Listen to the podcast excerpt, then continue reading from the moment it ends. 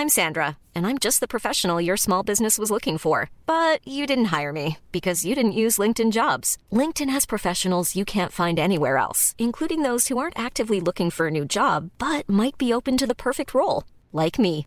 In a given month, over 70% of LinkedIn users don't visit other leading job sites. So if you're not looking on LinkedIn, you'll miss out on great candidates like Sandra. Start hiring professionals like a professional. Post your free job on linkedin.com/people today.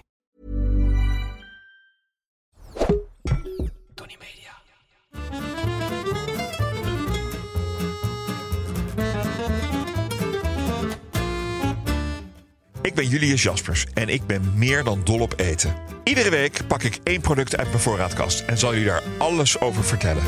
Vandaag is dat aardbeien.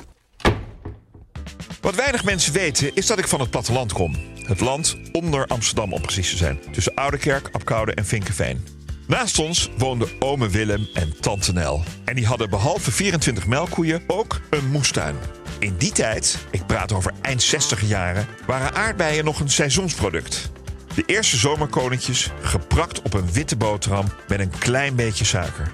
Beter werd het niet in die tijd. En naar mijn mening nog steeds niet. Mijn liefde voor de aardbei was geboren.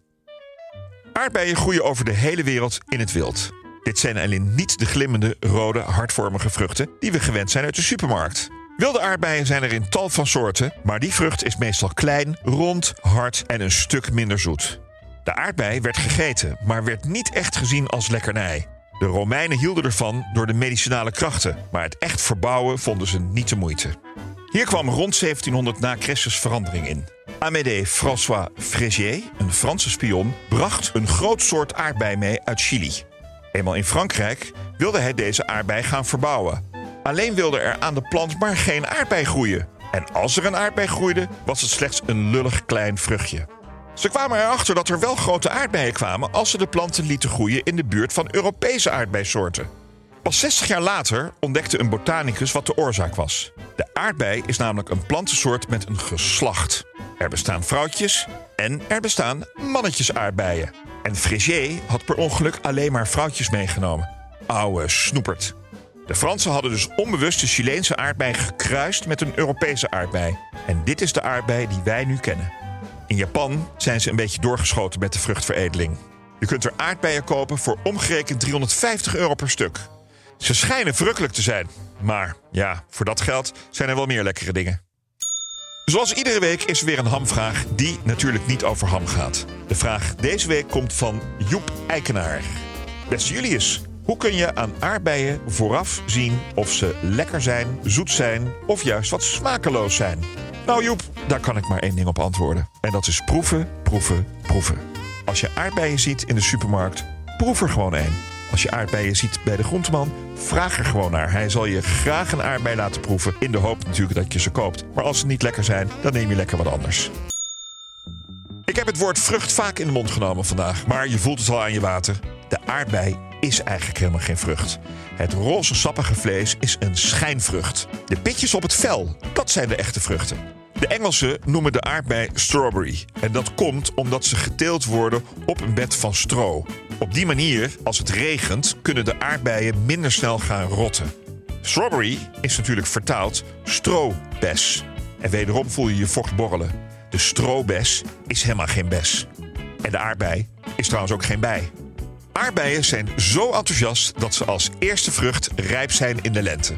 Het aardbeienseizoen van de koude grond loopt van mei tot september. De rest van het jaar komen ze uit de kas of uit een ver warm land. Maar de komst van aardbeien het hele jaar rond is allesbehalve positief. Zo'n bakkie uit de supermarkt meent namelijk dat hij tot een week houdbaar is. Maar aardbeien van het land kunnen maximaal drie dagen bewaard worden. Hoe doet die super de boer dat dan?